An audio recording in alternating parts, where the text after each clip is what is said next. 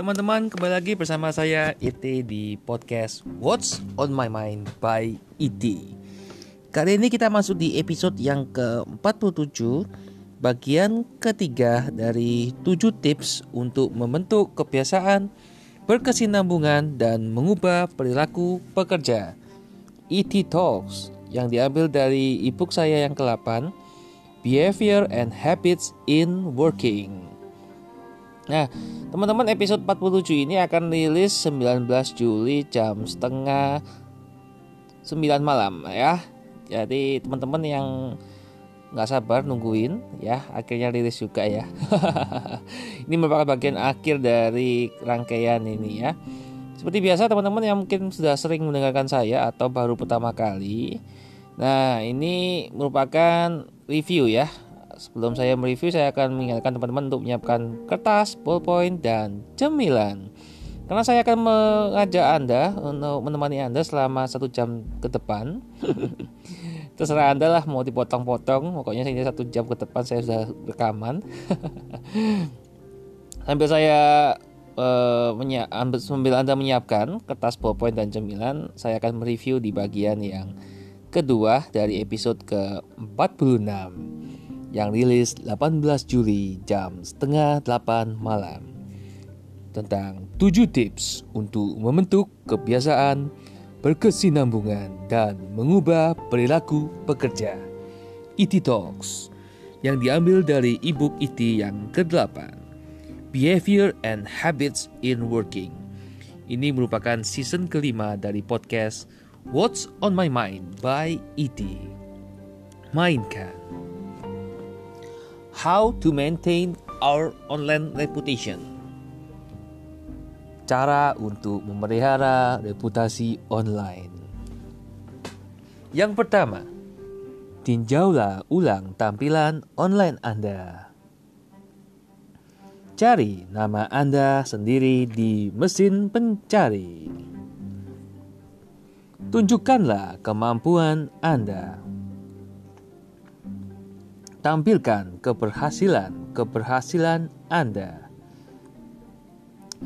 Kurangi konten negatif. Bagikanlah konten tertentu secara privasi.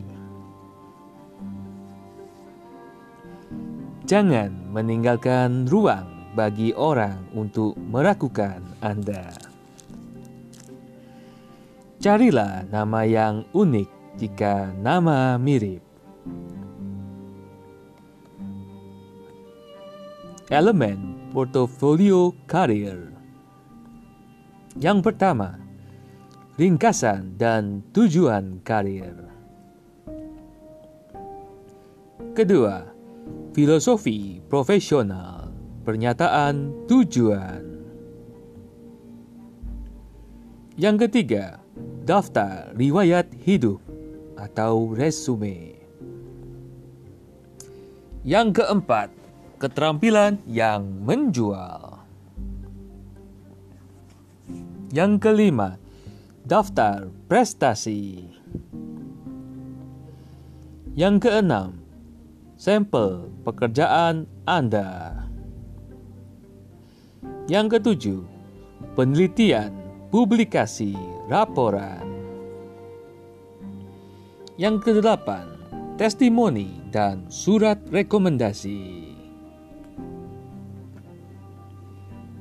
Elemen portofolio karir yang selanjutnya, penghargaan dan penghormatan. Seminar, pelatihan, dan workshop. Transkrip, gerar, lisensi, dan sertifikasi. Aktivitas pengembangan profesional. Sukarelawan pengabdian masyarakat. Daftar referensi. Tips portofolio karir.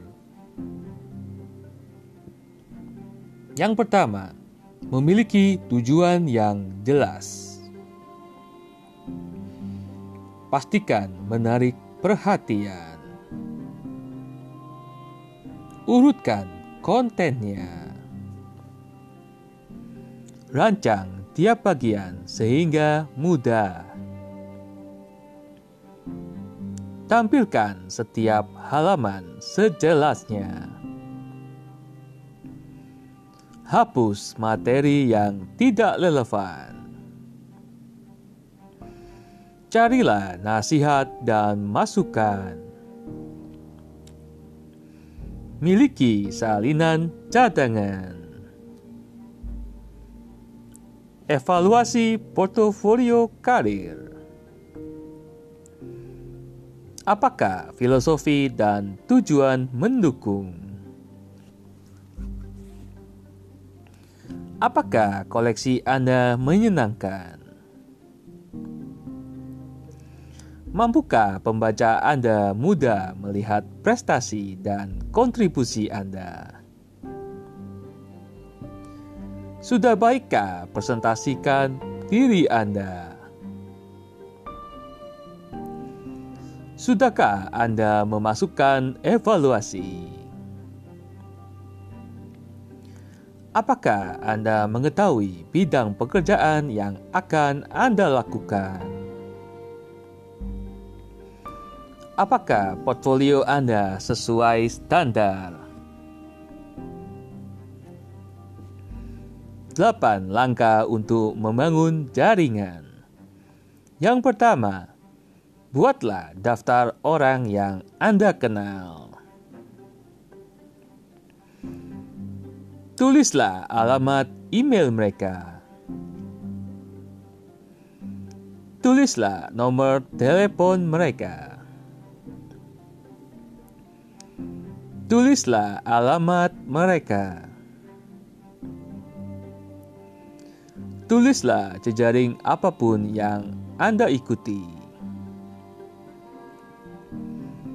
Pastikan Anda menghubungi tiap tahun.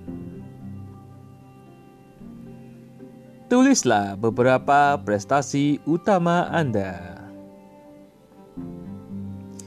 Mintalah atau tawarkan bantuan Anda. Bagaimana cara mempertahankan jaringan profesional yang aktif? Tetap terlihat aktif. Bertukar informasi secara rutin. Selalu siap sedia. Mantapkan relasi. Tepati janji Anda. Sikap yang tepat dan perilaku di tempat pekerjaan.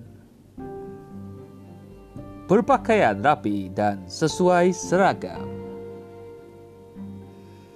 Disiplin dan tepat waktu. Berbicara dengan positif dan hormat jujur, dan berintegritas. Berdiskusi dan berinteraksi sesuai kerja. Hargai orang lain dan lingkungan Anda. Jadilah seorang tim player. Percaya pada diri sendiri dan tim kerja. Bagaimana perilaku atau kebiasaan di tempat bekerja? Kehadiran tempat kerja atau organisasi. Anda cetak di bagian yang Anda sukai, ya, atau ini merupakan diri Anda. Yang pertama, saya tidak cukup rutin hadir. Yang kedua, saya lumayan rutin hadir. Yang ketiga, saya hampir selalu hadir. Yang keempat, saya tidak pernah absen. Ketepatan waktu, silakan Anda centang di poin yang itu merupakan kebiasaan Anda sehari-hari. Yang pertama, saya terlambat tiga kali seminggu. Saya hampir tidak pernah terlambat. Saya tidak pernah terlambat.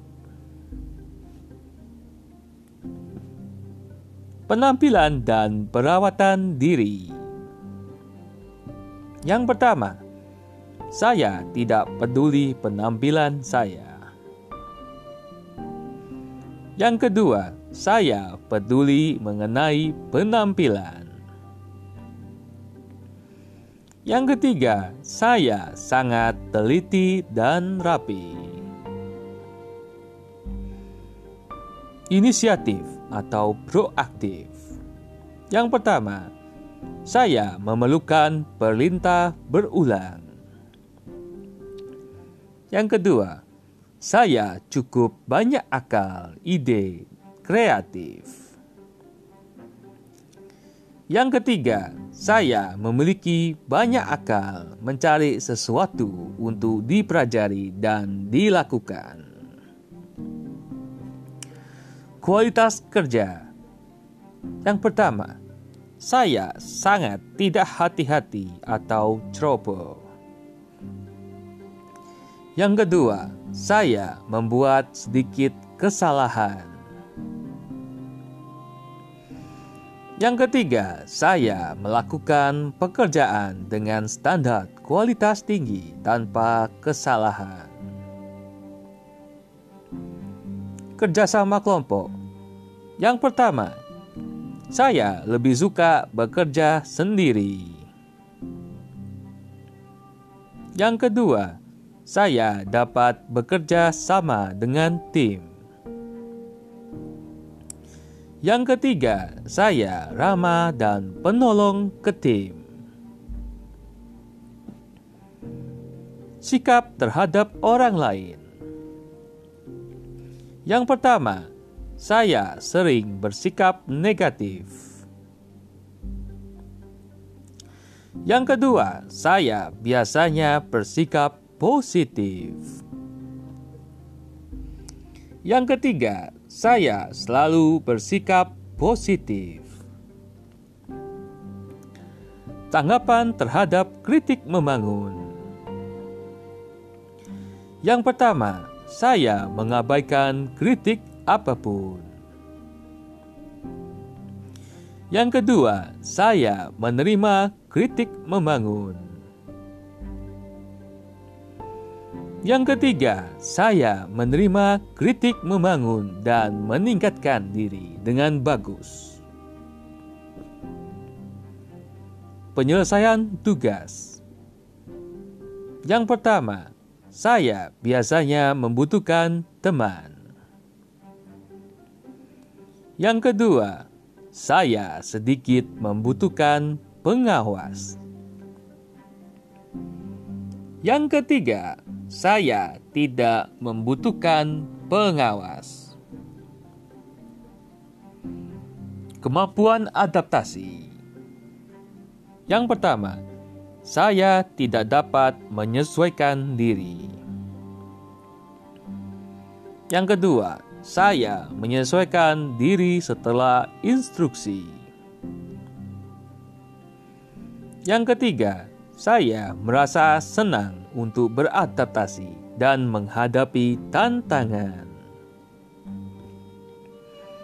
Time management bagian yang pertama. Ini merupakan review terakhir di episode yang 46. Kemampuan untuk menggunakan waktu dengan tepat dan bijaksana.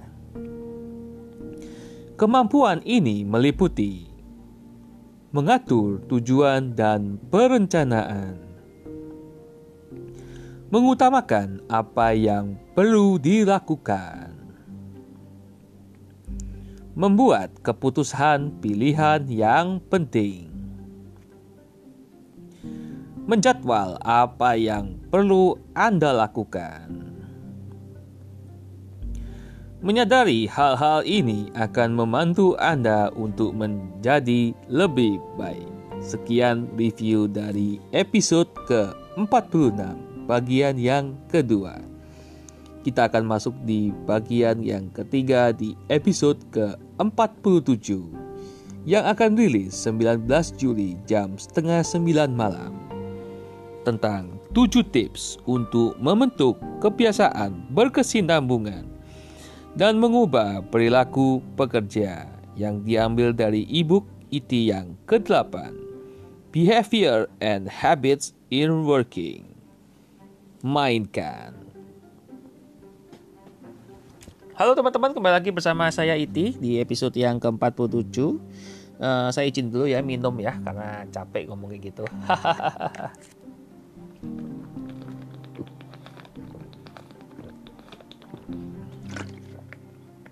Oke, kita lanjut.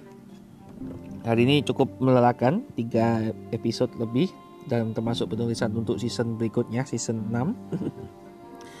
Jadi ini uh, merupakan episode terakhir di season yang kelima. Kita akan masuk season 6 di episode berikutnya ya. Dan saya akan tulis untuk season yang ketujuh. Oke, okay, uh, eh, yang pertama adalah time management ya. Kita masuk di time management tadi atau manajemen waktu di bagian yang kedua. Yang poin pertama, poin yang lanjutannya adalah keterampilan berorganisasi dengan baik. Anda bisa ceritakan dengan jelas, uh, uh, maaf ini time management, jadi Anda bisa berorganisasi ya. Itu organisasi masyarakat, organisasi lingkungan, organisasi kampus, organisasi yang lain-lain ya. Uh, anda bisa delegasi, Anda bisa bagi waktu, Anda bisa bagi tugas dan lain-lain. Terus yang poin berikutnya adalah disiplin diri ya. Kalau Anda sudah punya jadwal disesuaikan ya. Dikondisikan. Jangan sampai anda sudah ada jadwal anda halalaikan. Poin berikutnya adalah motivasi untuk selalu fokus pekerjaan. Ingat teman-teman uh, pekerjaan itu merupakan sesuatu yang mulia ya.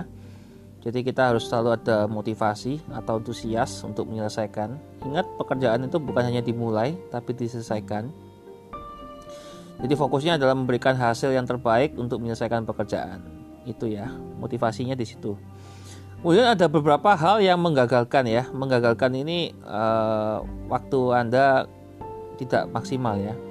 Yang pertama adalah penundaan ya. Yang pastinya Anda bilang uh, besok aja deh, ntar aja lah. Misalkan hari pagi ya, ntar siang aja deh, siang nanti ntar sore aja deh. sore ntar malam aja. Malam ntar subuh aja. Akhirnya besok ah udah pagi udah subuh. Besok aja deh. Nah itu penundaan ya. Ntar sok ntar sok ntar aja besok aja. Ayo ya yang punya kebiasaan seperti itu ditinggalkan. Saya sih dari sekolah sudah saya punya kebiasaan tidak ada penundaan ya. Jadi eh, sekolah saya PR dikasih langsung saya kerjakan. Bahkan saya bukan PR namanya di PS ya pekerjaan sekolah. Saya kerjakannya di sekolah. Pas jam istirahat pas jam pulang sekolah mau lanjut bimbel atau lanjut pekerjaan apa aktivitas kuliah yang lain atau aktivitas sekolah yang lain saya kerjakan PR jadi saya tidak pernah menunda ya termasuk menunda bayar dan lain-lain saya juga tidak pernah ya. Saya selalu punya kebijakan untuk kita selesaikan tepat waktu ya Ingat janji adalah janji, hutang adalah hutang, harus dibayar. Poin yang berikutnya adalah ketidakmampuan untuk berkata tidak. Ya, ini karena kita sungkan ya. Kadang kita ada diminta tolong apa ya kita lakuin, diminta tolong apa kita lakuin. karena kita juga berharap sesuatu kita ketika kita butuh bantuan kita juga ditolong kan. Akhirnya kan kita menerima semua ya. Dan akhirnya jadwal kita terbengkalai. ini paling penting ketika Anda sudah punya jadwal ya Uh, jadi Anda harus sesuaikan, jangan sampai Anda mundur-mundurkan, Anda Anda Anda maju-majukan ya. Jadi dalam hal ini menolak misalkan sudah ada jadwal, Anda tetap masukkan jadwal, Anda tabrakan atau Anda geser-geser, jangan ya. Ini yang saya sebut dengan untuk berkata tidak. Anda tetap bisa masukkan jadwal untuk jadwal yang masih kosong ya, jangan di jadwal yang sudah ada. Itu yang saya sebut dengan berkata tidak. Jadi jangan dengan sengaja Anda mentabrakkan jadwal yang sudah jelas Anda sudah bikin janji ya. Atau itu hati Anda bikin dipercepat janji karena Anda ada jadwal dadakan atau diperlambat karena Anda lagi nunggu orang ya. Hati-hati. ayo yang sering kayak gini ngaku aja. Ayo tag dan mention saya bilang saya mau ngakuan dosa ini, Pak. DM aja lah kalau gitu nggak usah nggak usah di ini ya saya selalu jaga privasi orang yang kontak saya ini banyak banget teman-teman yang interaksi ke saya ya walaupun uh, saya podcastnya ini saya rekaman satu bulan sebelumnya saya prediksi ini bakal banyak yang akan merespon. Saya orangnya visioner teman-teman ya. Saya merasa ini saya sudah yang terbaik. Sisanya saya percayakan nama Tuhan lah. Jadi uh, saya sudah rekaman saya selesaikan tugas saya untuk rekaman terus saya akan selesaikan tugas saya untuk promosi ya sisanya Tuhan yang atur ya. Saya berserah sama Tuhan. Tuhan kalau ini emang baik bagi masyarakat umat atau apa pun itu bukan uh, jemaat silakanlah uh, teman-teman bisa mendengarkan dan bisa dibagikan. Bisa di share bisa di like bisa di komen bisa di follow bisa di subscribe apa pun itu silakan ya. Tidak terlarangan uh, saya ucapkan terima kasih sebelumnya kalau anda sudah melakukan itu dan anda kalau mau terlibat aktif ya anda tag anda mention saya di setiap medsos anda luar biasa anda keren anda dahsyat ya itu fungsinya bukan untuk saya ya teman-teman ya tapi untuk anda bahwa anda itu sudah praktek jadi saya tujuannya menyampaikan ini bukan untuk saya promosi bisnis saya, promosi IG saya, promosi medsos saya ya, tapi untuk Anda memproklamirkan diri Anda sendiri bahwa Anda sudah praktek. Kalau Anda tidak ngomong, kan saya nggak tahu Anda praktek apa Anda. Tujuan saya kan uh, sedikit memaksa ya, atau mengajak Anda untuk praktek. Karena kalau cuma didengerin percuma teman-teman. Saya selalu ingetin juga, uh, kalau cuma denger-denger doang, nggak mau praktek, udahlah nggak usah dengerin podcast saya, dengerin podcast lain aja yang lebih menghibur ya. Karena Anda akan buang waktu ya, satu jam ke depan itu sangat berharga teman-teman saya aja mau rekaman ya karena ini saya tidak perlu lakukan rekaman lagi ya. Saya selalu minimalisir kesalahan saya berusaha untuk memberikan yang terbaik kesempatan yang ada ini. Jadi saya uh, sudah persiapan lah intinya gitu loh. Oke kita masuk aja poin berikutnya biar nggak terlalu lama ya. Ini kita sudah masuk menit ke 22 Ini merupakan episode bagian yang terakhir. Jadi saya akan selesaikan di bagian yang ini ya Bagian ketiga. Nah ini ketidakteraturan ya. Ini Anda bisa mengagalkan jadi Anda tidak punya perencanaan yang jelas Anda tidak punya target yang jelas Anda tidak punya jadwal yang jelas ngambang dan lain-lain ya. Itu yang disebut tidak tidak teraturan misalkan memang Anda uh, punya prinsip ya uh, oke okay, saya tidak mau ikut kerja kantoran saya tidak mau jam 9 sampai jam 5 tapi Anda tetap harus bekerja 8 jam kayak saya uh, saya punya pribadi sendiri saya kurang suka ya uh, untuk diatur-atur untuk jam dan harus meeting dan lain-lain ya. Saya jam kerja saya jam 12 sampai jam 12 malam bahkan bisa sampai jam 2 subuh ya. Itu setiap hari yang saya lakukan ya. Jadi saya produktifnya justru dari siang sampai subuh ya. Kalau paginya memang manusia manusia inspirasi dan kreativitasnya munculnya di malam saya ini bukan di pagi jadi kalau pagi ya masih tidur lah. Saya ngomong jujur aja padanya ya. Ya gitulah. Tapi tergantung teman-teman kalau ada janji pagi ya saya bangun pagi saya istirahat dulu. Jadi saya atur waktu. Jadi saya rekaman podcast ini saya selalu siapkan bahwa saya sudah rekaman ini besoknya ada jadwal lain ya. Kalau jadwal pagi harus ada ya saya harus uh, istirahat dan ya saya bukan menunda ya teman-teman ya tapi kan saya sudah menyiapkan podcast ini nih ya. Uh, eh, 19 Juli ini sudah saya siapkan 19 Juni bayangkan satu bulan sebelumnya. Jadi sudah saya setting untuk rilis di 19 Juli saya buatan buatnya itu benernya tepatnya 20 ya. Sekarang sudah ganti hari karena sudah subuh. Ini tepatnya jam setengah dua udah jam 2an lah jam 2 subuh. Berarti sekarang udah ganti tanggal 20 20 Juni ya bukan 20 Juli karena 20 Juli itu besok. Ah, teman-teman dengerinnya sekarang ya. Itu ya jadi saya sudah teratur ya sangat teratur. Walaupun uh, jam tidurnya tidak teratur tapi untuk jadwal kerja dan produktivitas tetap teratur sesuai jadwal yang ada. Jadwal posting sudah saya atur jadwal untuk tulisan saya atur jadwal untuk membaca saya atur jadwal untuk yang lain-lain saya atur. Semua saya atur ya tidak ada yang tidak teratur bahkan mohon maaf uh, salah satu hal yang bisa bikin saya emosi atau uh, jengkel ya kalau ada orang yang mengacaukan jadwal saya. Jadi jangan main-main ya kalau bikin janji sama saya dan atau matalin atau cancel atau lain-lain. Ya itu merupakan salah satu per, uh, perbuatan yang tidak menyenangkan bagi saya ya. Intinya itu ya. Anda tahu sendiri ada pasalnya namanya itu perbuatan tidak menyenangkan ya saya akan tuntut Anda membalikkan waktu saya. Bercanda teman-teman. Biar nggak terlalu tegang ya, biar nggak terlalu serius. Saya pada dasarnya juga bisa bercanda karena komedian itu juga orangnya serius-serius ya. Saya juga orangnya bisa bercanda bahkan bisa bikin anda tertawa terpingkal-pingkal ya tapi kembali lagi lihat konteksnya ini kan konteksnya profesional saya juga bercanda juga bisa profesional ya Oke, poin berikutnya adalah interupsi, bicara secara langsung atau telepon ya. Uh, anda sering meng menginterupsi orang lain misalkan. Ini yang bisa menggagalkan ya. Kayak misalkan saya sedang rekaman ini ya, terus ada yang interupsi, ada yang telepon saya, ada yang chat saya, akhirnya handphone saya ngeter-ngeter dan ada notifikasi masuk dan lain-lain.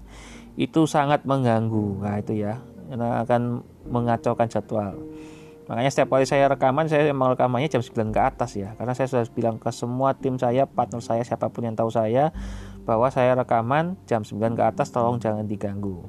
Saya akan hubungi ulang uh, Anda setelah Anda selesai selesai rekaman satu episode ya. Intinya itu. Jadi uh, saya nggak suka ya kalau ada interupsi. Jadi tiba-tiba ada telepon masuk atau ada orang yang masuk di kamar saya atau di ruangan saya wah saya paling nggak suka ya ini anda jadwal dulu. Anda bisa chat saya misalkan anda masuk ruangan saya kan gitu. Anda bisa telepon dulu anda bisa ketok pintu dulu dan lain-lain ya. Yang berikutnya adalah gangguan ya. Bisa suara TV ya. Saya, kita nggak pernah tahu suara TV kebetulan di kamar saya atau di ruangan saya tidak ada TV adanya YouTube ya. Kan di iPad saya lihat YouTube-nya. Nah, kemudian radio. Kebetulan radionya di aplikasi ini ya. Uh, saya pakai Anchor dan Spotify. Saya lebih banyak dengerin podcast. Uh, kalau radio lagu pun saya juga dengerin di Spotify dan Anchor dan lain-lain lah. Istilahnya di audio saya tidak mau ngomongin promosi lah. Kecuali saya dibayar ya. Saya juga punya harapan ini eksklusif di salah satu uh, layanan streaming audio yang ada ya ya setidaknya ada kepastian untuk karya saya ini yang menghasilkan dan ada dampak bagi orang lain. Mau didengerin berapa kali, mau dituntut berapa kali, mau disebarin berapa kali, itu silakan terserah Anda ya. Saya tidak pernah memaksa Anda untuk membagi, untuk like, untuk komen, untuk share. Saya tidak pernah memaksa ya. Tapi kalau Anda bersedia, silakan. Jika Anda merasakan manfaatnya ya. Kemudian gadget ya, gangguan gadget dalam hal ini kan uh, gadget kita kan sudah saya satur ya. Saya tidak pernah uh, atur untuk vibrate dan uh, yang settingan normal ya. Saya selalu silent. Saya tidak suka ada gangguan suara yang di luar suara yang saya inginkan ya. Getar pun saya juga nggak suka ya. Itu itulah saya ya. Biar saya tidak terganggu jadwal saya. Saya sangat disiplin untuk masalah waktu. Nah teman-teman ini ada tips juga ya uh, namanya gimana caranya kita ngatur kalender dan jadwal kita ya. Anda bisa bikin list. Anda bisa bikin list contohnya today schedule gitu ya. Jadwal hari ini tanggal tanggal berapa? Misalkan sekarang tanggal 19 Juli ya. Waktu dari jam berapa sampai jam berapa gitu ya. Terus apa yang dilakukan? Tuduhnya apa? Notes itu Anda puas enggak dengan evaluasi Anda? Anda bisa kasih evaluasi juga. Jadi itu contohnya ya, tabelnya. Oke, saya kasih tips yang pertama tadi itu ilustrasinya ya. Yang pertama pilih sebuah format kalender ya. Kalender kan banyak formatnya teman-teman ya. Ada kalender duduk, ada kalender berdiri, ya, ada kalender tempel tembok, ada kalender yang di handphone Anda atau di gadget Anda, ada kalender yang di jam tangan mungkin ya, jam tangan digital Anda ya. Tidak tahu Anda mana pun itu, Anda pilih format yang Anda suka ya atau bukan atau atau bisa juga kalender yang di agenda Anda. Poin berikutnya adalah beli tan beri tanda pada kalender Anda. Anda bisa kasih lingkaran, segitiga, kotak atau silang ya, kayak PSI. kayak uh, konsol PlayStation ya. Terserah, bisa bintang juga bisa, bisa kode-kode apa pun yang Anda sukai ya. Misalkan pekerjaan Anda kasih kode P gitu. Liburan Anda kasih kode L atau warna merah, hijau, hitam, biru dan lain-lain ya. Contohnya itu ya. Kemudian sertakan pekerjaan dan deadline kerja ya. Misalkan Anda sedang bekerja, Anda harus kasih deadline ya. Misalkan uh, ini tanggal 19 Juli, saya nggak tahu nih hari apa ya karena saya sedang rekamannya bukan 19 Juli tapi 19 Juni ya. saya nggak tahu harinya apa. Ya, contohnya kita kasih contoh sederhana aja lah uh, Anda sedang ini hari Senin ya, sekarang ini hari Senin contohnya. Nah, Anda akan melakukan aktivitas dan Anda kasih deadline, pokoknya Sabtu harus selesai lah itu. Dan Anda harus tahu pekerjaan apa aja yang Anda harus selesaikan dan itu harus selesaikan hari ini juga misalkan Senin harus selesai, Senin semua selesai. Selasa ada pekerjaan Selasa harus selesai, Rabu Rabu harus selesai semua kayak gitu ya sampai Sabtu. Minggu terserah Anda ya, Anda mau tetap bekerja atau hiburan atau istirahat atau ke gereja dan lain-lain. Atau ibadah terserah Anda ya atau Jumat juga ada ibadah juga silakan. Terserah anda. Kembali lagi saya ini buatnya secara umum ya. Jangan uh, saya nggak akan menggunakan isu-isu agama ya karena itu cukup sensitif.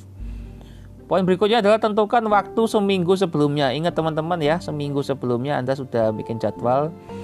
Biasanya yang paling ideal itu minggu malam ya, karena Anda uh, atau Sabtu malam, karena minggu mungkin Anda sangat padat waktu untuk keluarga dan istirahat atau ibadah dan lain ya.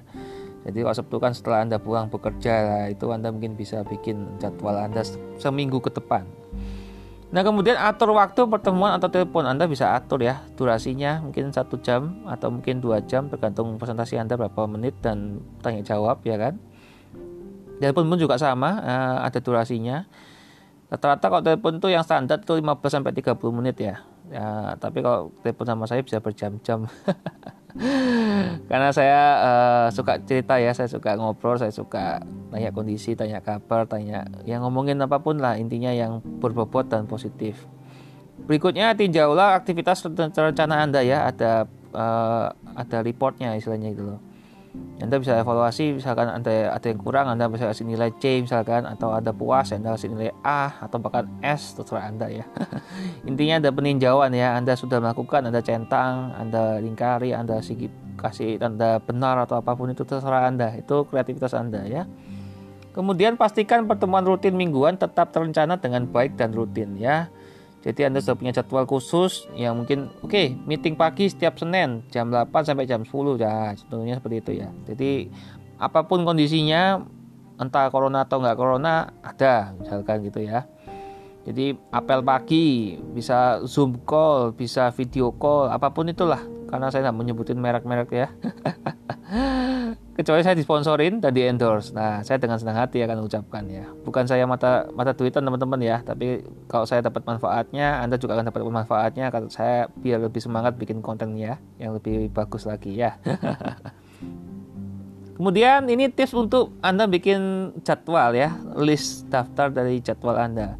Yang pertama tulislah semua tugas Anda, bisa dari besar ke kecil, bisa jangka pendek ke jangka panjang, semua ditulis ya besar itu butuh effort besar ya, bukan pekerjaannya yang besar atau uh, angkat batu besar atau bukan ya, tapi butuh tenaga besar, butuh pemikiran, butuh waktu, tenaga, pikiran, uang dan lain-lain yang besar ya. Yang kecil itu yang tidak butuh waktu, tidak butuh waktu, uh, pikiran, tenaga dan uang yang kecil ya. Jangka pendek itu bisa harian atau bahkan jam-jaman. Kalau jangka panjang bisa mingguan bahkan bulanan, tergantung Anda ya cocoknya bagaimana atau bahkan tahunan ya. Kalau saya sih uh, ada jadwal sampai tahunan ya. Jadi ada orang yang booking sampai setahun berikutnya ya karena jadwal saya full selama setahun. itu contohnya ya. Jangka pendek itu yang pendek-pendek yang harian lah. Misalkan seminggu itu masih jangka pendek lah. Atau per jam. Tapi kalau menit kayaknya terlalu lebay ya, apalagi detik. Oke, pilih sebuah sistem yang cocok ya. Bisa Anda pilih yang Anda sukai bisa di selembar kertas yang saya selalu ingatkan di setiap episode saya kan. Bisa juga di buku ya kan. Uh, catatan notes agenda atau apa pun itu. Uh, sticky note. Ponsel juga bisa ada kan. Uh, nulis di agenda ponsel kan ada aplikasinya ada pengingatnya ada remindernya ada alarmnya dan lain-lain. Tergantung anda yang sukai. Kalau saya sukanya bawa agenda.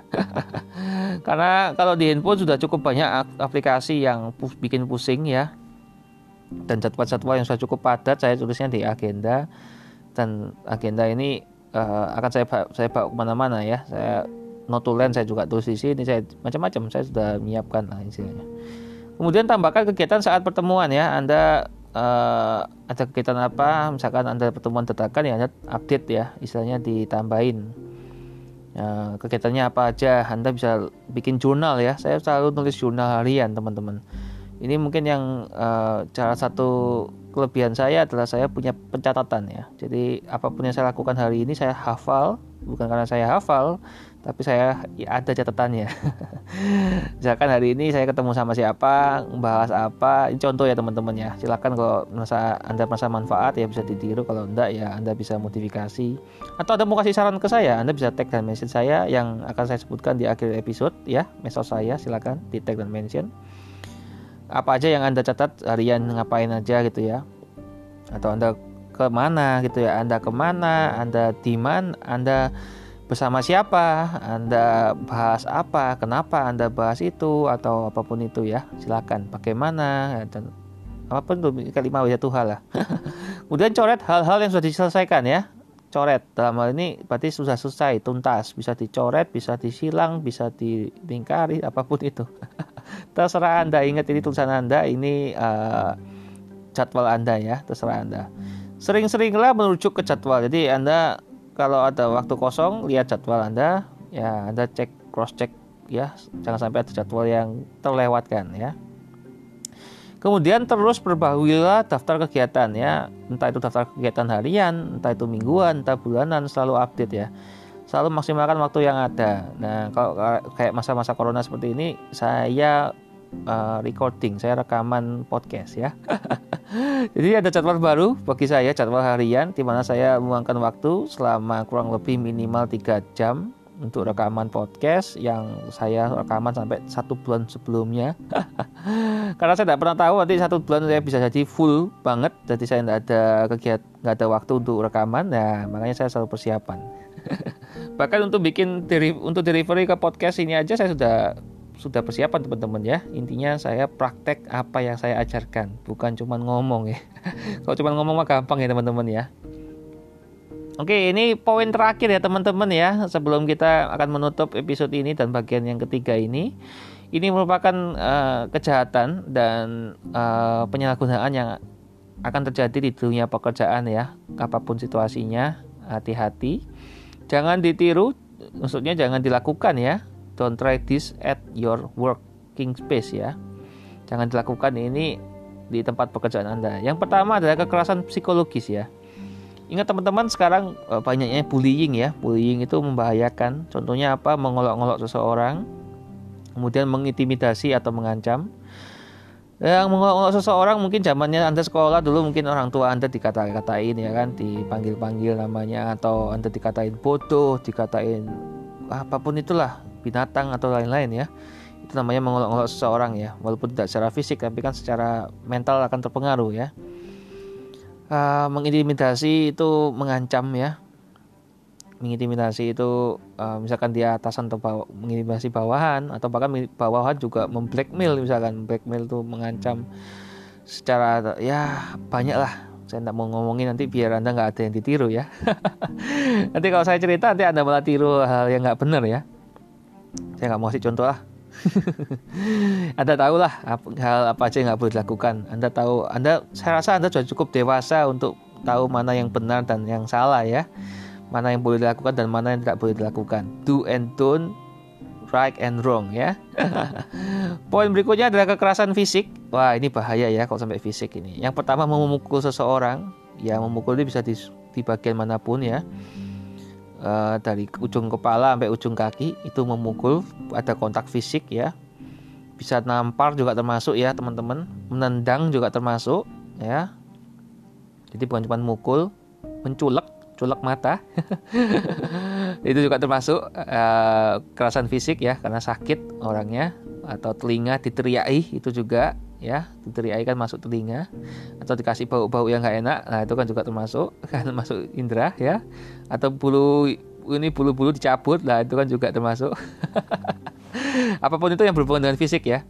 Kemudian melempar benda kepada seseorang ya. Benda walaupun itu bendanya nggak berbahaya tapi tetap bisa membahayakan orang lain ya. Karena nggak ada orang yang mau dilemparin barang ya. Walaupun dilemparin kertas ya.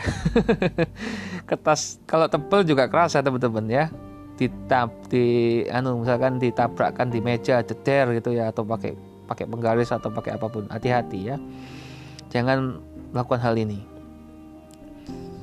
kemudian pelecehan seksual lah ini yang ah jangan sampai lah kontak fisik yang tidak diinginkan. Ingat ya teman-teman, Anda harus profesional. Ini bahaya, jangan sampai dilakukan di dunia pekerjaan.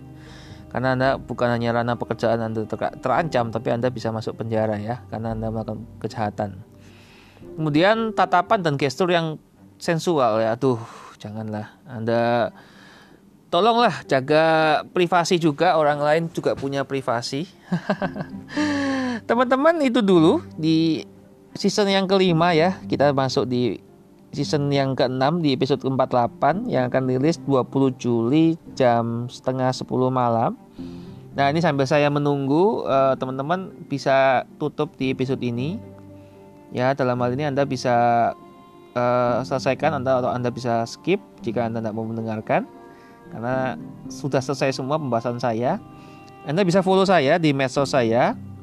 Di IG, di Twitter, di Facebook, di LinkedIn, di Telegram, di Line, di YouTube ya, Elios Devilus G, Elios Devilus Kandawijaya.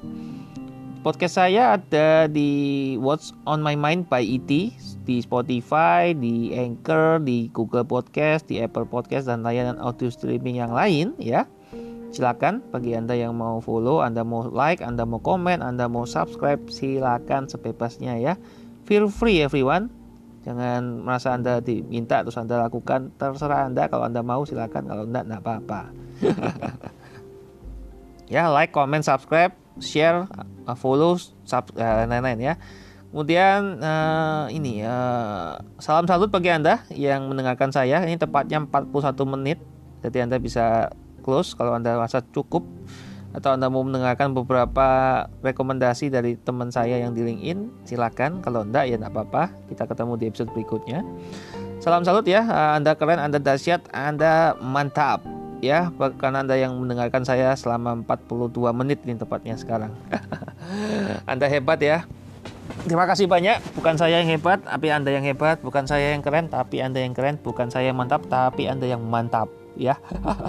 you know my name, not my story. Ya, Anda tahu nama saya, tapi Anda tidak tahu cerita saya. Kalau Anda mau tahu nama uh, cerita saya dari orang lain, Anda bisa tetap stay tune ya. Anda bisa tetap dengerin podcast saya ini karena saya akan tetap bahas, lanjutkan rekomendasi beberapa dari para teman-teman saya, koneksi saya di medsos LinkedIn tempatnya ya jadi anda bisa tahu saya siapa anda bisa tahu apa yang saya lakukan anda bisa tahu kata orang lain tentang saya Nah, itu aja. Kemudian selamat uh, pagi Senin uh, selamat pagi, siang, sore, sub, malam, subuh, selamat hari Senin, Selasa, Rabu, Kamis, Jumat, satu Minggu. Saya tidak pernah tahu Anda dengerin saya di hari apa dan di jam berapa ya. Hati-hati yang di jalan, uh, jaga jarak, jaga kesehatan, jaga uh, ini ya, jaga kondisi juga uh, yang di rumah tetap semangat, tetap optimis, kita bisa ya. Oke, sampai ketemu di episode yang ke-48 yang akan rilis 20 Juli jam setengah 10 malam. Kita akan masuk di season yang ke-6. Ini merupakan 6 cara spesifik untuk mengenali siapa diri Anda. ET Talks yang diambil dari ebook saya yang ke-13 How to Know Others by Knowing Yourself. Oke, sampai ketemu di season yang ke-6. Bagi Anda yang mau bertahan atau mendengarkan, silakan ya. Saya kasih waktu 30 detik untuk meninggalkan atau men tetap bertahan ya. Saya minum dulu.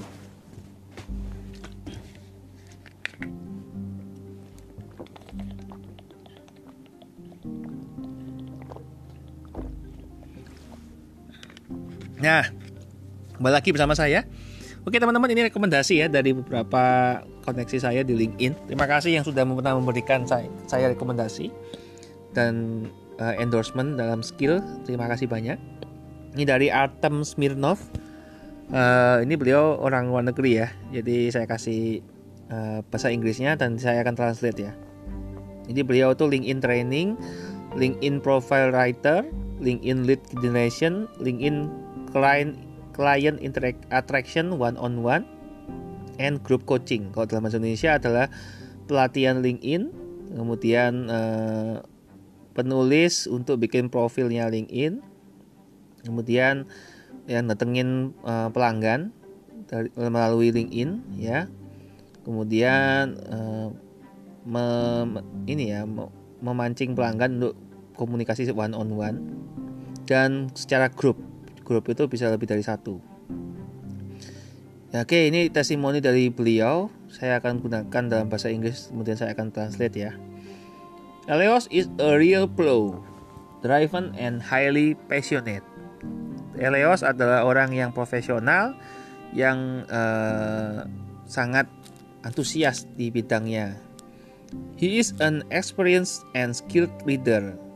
Dia adalah uh, saya ini ET atau Theo atau Eleos apa pun itu Theo adalah uh, Eleos adalah orang yang berpengalaman dan pemimpin yang uh, punya punya kemampuan ya.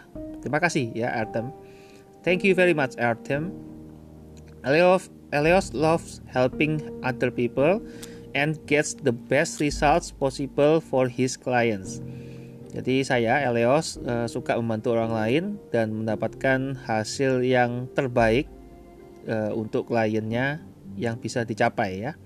Hasil yang terbaik yang bisa dicapai untuk kliennya. Terima kasih ya. Even on LinkedIn, he is always trying to help other people in his community ya. Jadi uh, di LinkedIn pun saya juga selalu membantu orang lain uh, di komunitas saya ya uh, saya ada komunitas yang Anda bisa gabung silakan gratis kok untuk gabungnya. Di situ Anda akan dapatkan ebook saya, Anda dapatkan ebook-ebook yang saya dapatkan dari orang lain yang saya share ke Anda, Anda bisa belajar.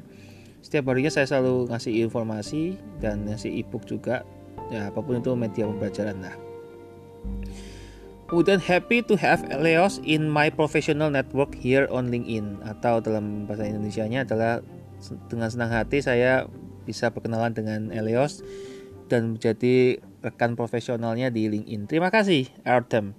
Ini dari Bu Dina Kosasi uh, dalam bahasa Inggris ini beliau experience human centered design thinker and agile practitioner specialized in B2B digital product development. Kalau dalam bahasa Indonesia adalah uh, ini ya design thinker itu design thinking ini lagi populer teman-teman ya. Uh, jadi orang yang berpikir secara desain itu lebih ke arah uh, pendekatannya manusia. Kemudian agile itu lincah ya. Uh, lincah ini lagi populer juga di kalangan uh, pekerja uh, pekerja ini ya, sumber daya manusia. Kemudian spesialisasinya beliau adalah di B2B ya, uh, di bidang produk digital, pengembangan produk digital ya. Dalam bahasa Inggris beliau memberikan testimoni uh, rekomendasi, Elios is highly motivated person and always walk four extra miles with the works assigned to him. Highly recommended. Jadi dalam bahasa Indonesia adalah Theo uh, Eleos atau Theo atau LET itu adalah orang yang sangat termotivasi. Yes, terima kasih. Betul. terima kasih motivasi saya bukan dari saya sendiri tapi dari orang lain ya. Dengan banyak orang yang memberikan rekomendasi seperti ini membuat saya termotivasi dan ada respon dari Anda, like, comment, share, subscribe, follow dan lain-lain itu sangat motivasi saya ya dan betul saya selalu uh, berjalan seribu langkah. Kalau istilahnya work for Eslamas ini jalan seribu langkah ke depan. Saya selalu orangnya visioner selalu berpikir ke depan sangat jauh. Saya selalu mempersiapkan satu sampai sepuluh langkah ke depan ya. Bukan cuma satu langkah.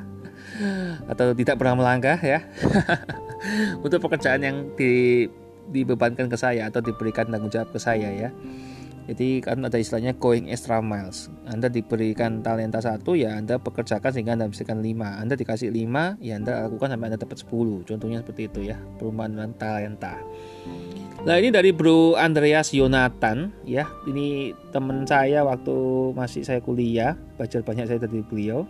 Beliau seorang IT and digital marketing enthusiast atau dalam bahasa Indonesia adalah uh, informasi teknologi dan marketing digital ini beliau favoritnya di sana ya antusiasmenya. Great person ini dalam bahasa Inggris ya. Great person highly passionate love to talk and share sharing great ideas critical thinking too and also passionate to encourage people keep up the good vibes. We need people like you to bring up more positives in this uncertain situation. Nah kalau dalam bahasa Indonesia adalah orang yang keren atau hebat ya uh, orang yang sangat bersemangat atau berhasrat gitu ya bergairah dalam hasratnya selalu uh, mencintai ya uh, suka ini suka berbagi dan idenya baik idenya bagus ide brilian gitu ya. Kemudian berpikir kritis dan selalu punya hasrat untuk memotivasi orang lain membangkitkan orang lain menyemangati orang lain.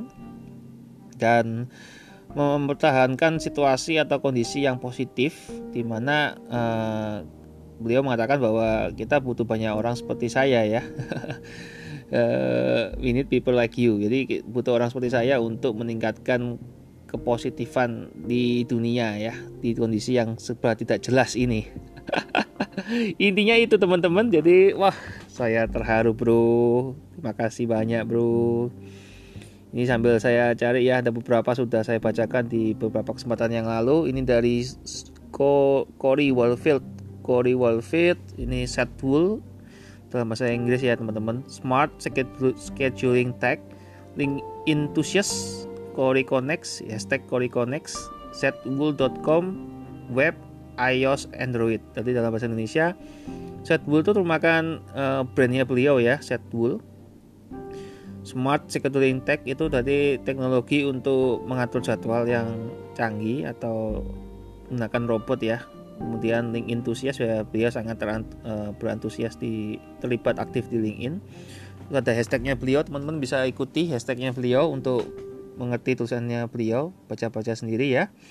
Kemudian ada websitenya beliau setwool.com ya itu tentang web beliau develop web beliau develop iOS dan Android luar biasa. saya angkat tangan kalau ngurusin teknologi ya teman-teman. Tapi saya update teknologi. Kalau develop, waduh berat. Tapi kalau untuk ide-ide saya banyak. Oke, ini dalam bahasa Inggris ya teman-teman ya, karena beliau dari luar negeri. Supportive, resourceful, and forward thinking. Elios has been a resource and is a powerful connector. He gets social media collaboration and has his finger on the pulse of some cool new stuff. Ya, jadi dalam bahasa Indonesia adalah orang yang sangat suportif, jadi saling suka mendukung orang lain. Resourceful itu kalau dibilang cerdas atau dibilang pintar ya semacam itulah teman-teman. Jadi berdaya lah lebih keren, lebih istilahnya kemudian berpikir ke depan. Jadi pay it forward ya. Saya selalu berpikir ke depan. Saya selalu uh, membantu orang lain dulu baru saya dibantu. Itu pun saya tidak pernah minta. Kalau dikasih ya saya terima kasih. Kemudian uh, saya jadi sumber daya yang powerful ya. Jadi kuat untuk konektor ya. Menghubungkan orang lain ya. Jadi seperti slogan yang saya pakai kan menghubungkan pengusaha dengan investor. Lah saya konektor emang Kemudian saya menggunakan sosial media itu salah satu kelebihan saya teman-teman. Di semua sosmed tuh saya uh, sudah setting untuk ya diferensiasi lah dibandingkan orang lain. Intinya saya punya personal branding yang berbeda dari orang lain. Kolaborasi yes kita sudah sering kolaborasi dengan beberapa orang figur lain. Kemudian saya punya jari-jari ini. Jari-jari yang siap berdetak untuk segala sesuatu yang menarik, hal-hal yang baru. Yes, saya suka inovasi. ya itulah. Ini dari uh, ini kayak dari Bu Agus Yulia sudah kayaknya nih ya, Agus Yulia. Sudah nih kayak teman-teman ya. Atau saya lupa ya. Mohon maaf. Sorry bro, saya lupa sudah ngucapin sudah diucapin sudah dibacain sini belum ya. Uh, mungkin teman-teman yang ingat bisa diingetin saya ya. Mohon maaf uh, saya skip dulu aja. Kayaknya sudah. Nah ini sudah sudah sudah sudah. Banyak yang sudah nih. Karena ini ngasihnya urut teman-teman ya. Urut dari yang paling baru sampai yang paling akhir. Nah ini ada beberapa juga saya skip karena sama. Apalagi ya? Uh, ini sudah sudah sudah sudah. Uh, ini jam menit 53 and hey hey hey hey great leadership and trainer. Yes thank you. I recommend it yes. Terima kasih. Ini Anil Vanzen ya? Kayaknya belum ya uh, oh sudah ya? Sudah kayaknya. Banyak yang sudah ya teman-teman ya? Ada beberapa nama yang emang gak saya sebutin karena sudah hampir sama dengan yang lain kurang lebih kata-katanya ini saya cari yang custom atau yang sudah di crafting ya yang sudah beda dengan yang lain. Tapi bukan berarti tidak ada isinya ya. Mereka orang-orang hebat semua yang memberikan. Terima kasih banyak ya. Jadi nggak kosongan juga gitu nah, ini sudah sudah. Kayaknya banyak yang sudah nih teman-teman. Jadi kayaknya uh, sambil saya uh, ini ya teman-teman ya uh, cerita oh ini ini ini ini ini, ini. dari Gaetano Di Piazza ya Managing Director Entis Ltd Limited Uno Uno itu open to new opportunity Managing Director itu berarti direktur yang mengatur ya di perusahaan itu. Nah ini beliau testimoni dalam bahasa Inggris teman-teman ya atau rekomendasi dalam bahasa Inggris. I had the pressure to cooperate with Mr. Develos Eleos. He is a knowledgeable professional with a high sense of integrity, customer oriented and hardworking leader. Kalau dalam bahasa Indonesia adalah uh, beliau suka atau nyaman kalau uh, berpartner dengan saya. Orang yang cerdas, cermat, pintar, istilahnya itulah. Ini versi beliau ya profesional juga yang mempunyai uh, integritas tinggi yang fokusnya adalah ke pelanggan dan pemimpin yang kerja keras. Ya, terima kasih Kaitano Tipiasa. nah, ini dari Kate Hallam. Kate Hallam. Sorry kalau ada uh, salah penyebutan aksen ya, karena kan mohon maaf saya untuk Inggris mungkin masih oke, okay, tapi kalau dari negara lain kayak nggak ngerti semua ya. ini beliau logistics account manager and at Freight Center itu pekerjaannya beliau ya. Jadi pengelolaan akun untuk logistik di Freight Center. Ini dari beliau excellent customer service and professional thank you itu. Jadi pelayanan pelanggan yang paripurna atau bagus sempurna dan profesional. Terima kasih itu. Ya, terima kasih kembali Kate. Ini dari CA Rohit Upadayaya ya CA with to 20 years experience of working in manufacturing and industries in emerging countries as a CFO, finance controller, LGM. Jadi sertifikat akuntan ya sudah 20 tahun pengalamannya beliau bekerja di industri manufacturing yang fokusnya di negara-negara berkembang sebagai CFO, CFO Chief Financial Officer atau Financial Controller ya intinya yang ngatur keuangan dan GM General Manager. Highly recommended to work with a true gentleman and meticulous professional. Jadi orang yang bisa direkomendasikan sangat rekomendasikan. Orang yang sangat gentleman gentleman itu uh, tepat waktu ya disiplin dan lain-lain. Meticulous itu luar biasa ini gitu. Oke teman-teman, itu aja karena sudah masuk di menit 58, saya nggak akan ulangi lagi karena saya sudah ucapin tadi. Follow saya di media, sosial saya. Nanti kalau saya ulangi lagi pengucapan ulang-ulang nggak apa-apa sih, tapi ya saya ucapin aja lah. Follow media sosial saya ya, teman-teman sambil membaca yang lain ada 300 lebih di LinkedIn saya, mau ingin lihat sendiri rekomendasinya. Jadi saya tidak ada karang-karangan, saya hanya bacakan. Follow saya di IG, medsos, uh, medsos saya di IG, Twitter, LinkedIn, Facebook, uh, Line, Telegram, YouTube, Elios Viluski, Elios Viluski Wijaya, kemudian di Spotify, di Google Podcast, Apple Podcast, dan di Anchor FM itu podcast saya What's on My Mind by ET ya.